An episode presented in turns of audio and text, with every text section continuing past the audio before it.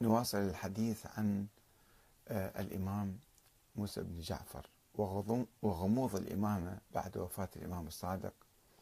وفي تلك المرحلة آه، بصورة عامة.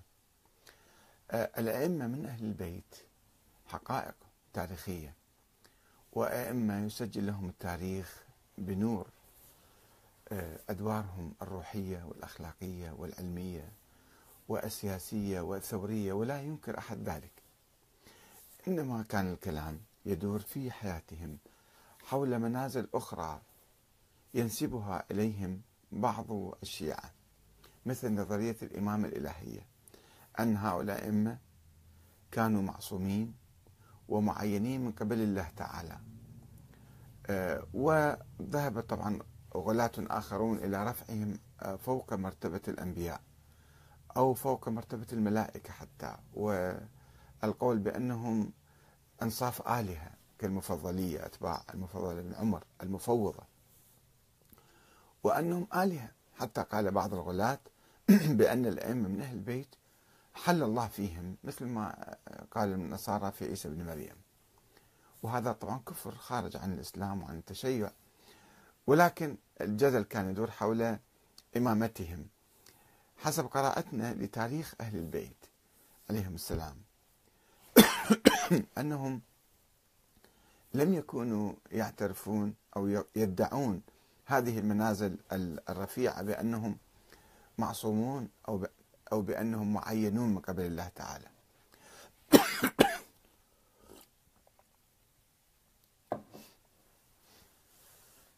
وأول من ابتدأ القول بذلك عبد الله بن سبأ عندما فسر وصية النبي للإمام علي بأنها وصية سياسية دينية وهي وصية عادية كانت وصية أخلاقية موجودة في التراث الشيعي ولا فيها ولا يوجد فيها أي إشارة إلى الإمامة السياسية أو الإمامة الدينية بأنها من حق الإمام علي.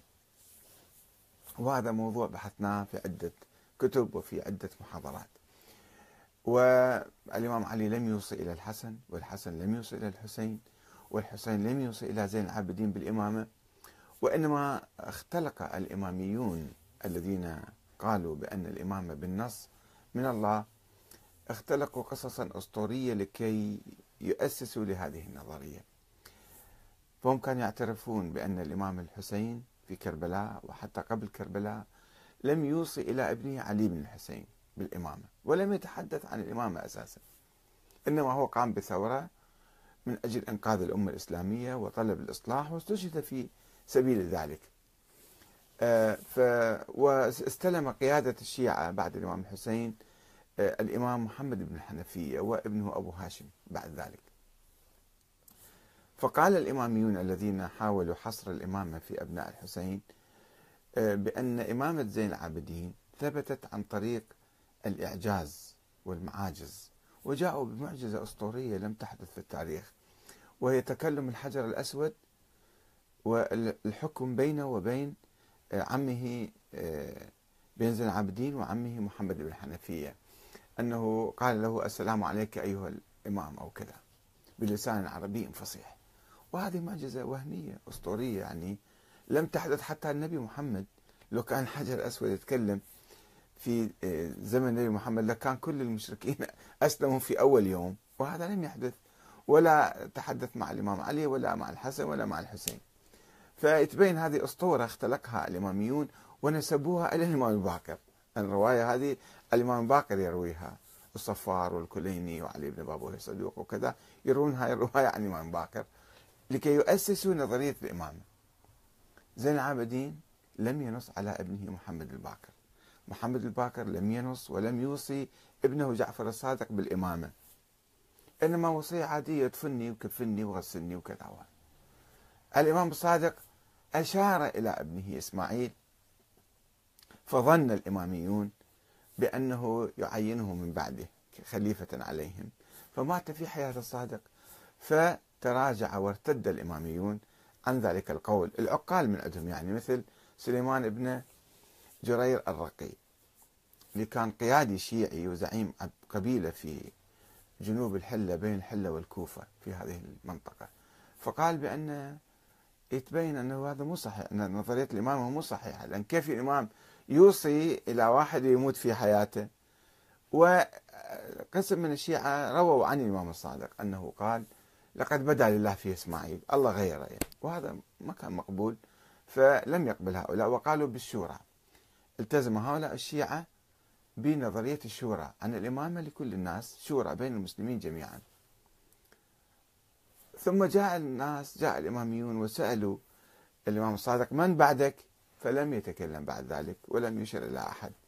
وعندما توفي وقال أن الأكبر من ولدي كذا لأن مسألة الإمامة كانت عادية مسألة مدنية مسألة سياسية وليست مسألة دينية عقائدية بحيث يجب على الإمام أن ينص على واحد. فالإمام الصادق رفض لأنه لم يكن يتبنى هذه النظرية أساسا.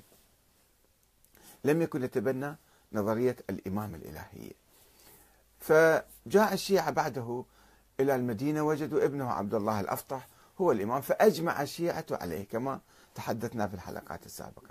ما عدا الإسماعيلية والناووسية الذين قالوا بغيبة الإمام ومهدويته أو بأنه آه، ابنه إسماعيل هو من بعده.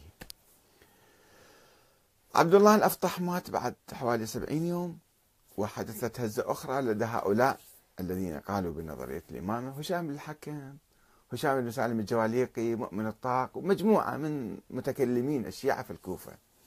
حدث لديهم هزة فانتقلوا إلى موسى بن جعفر وألفوا حوله القصص والأحاديث والروايات والمعاجز والأساطير حتى يقيموا إمامته. ومنهم المفضل بن عمر طبعا. تحدثنا في حلقة أخرى عن الإمام موسى الكاظم لم يتبنى هذه النظرية ولم يدعي الإمامة ولم يتصدى الإمامة أساسا واعتزل في بيتي كما يقول مؤرخ الشيعة الاثنى عشرية. وقد تحدثنا عن ذلك في حلقة سابقة. الآن نحاول أن نتحدث آه، عن مصير الإمامة عند هؤلاء الإمامية الذين كانوا يعتقدون بالنص وبكذا. عن مصير الإمامة بعد وفاة الإمام موسى بن جعفر.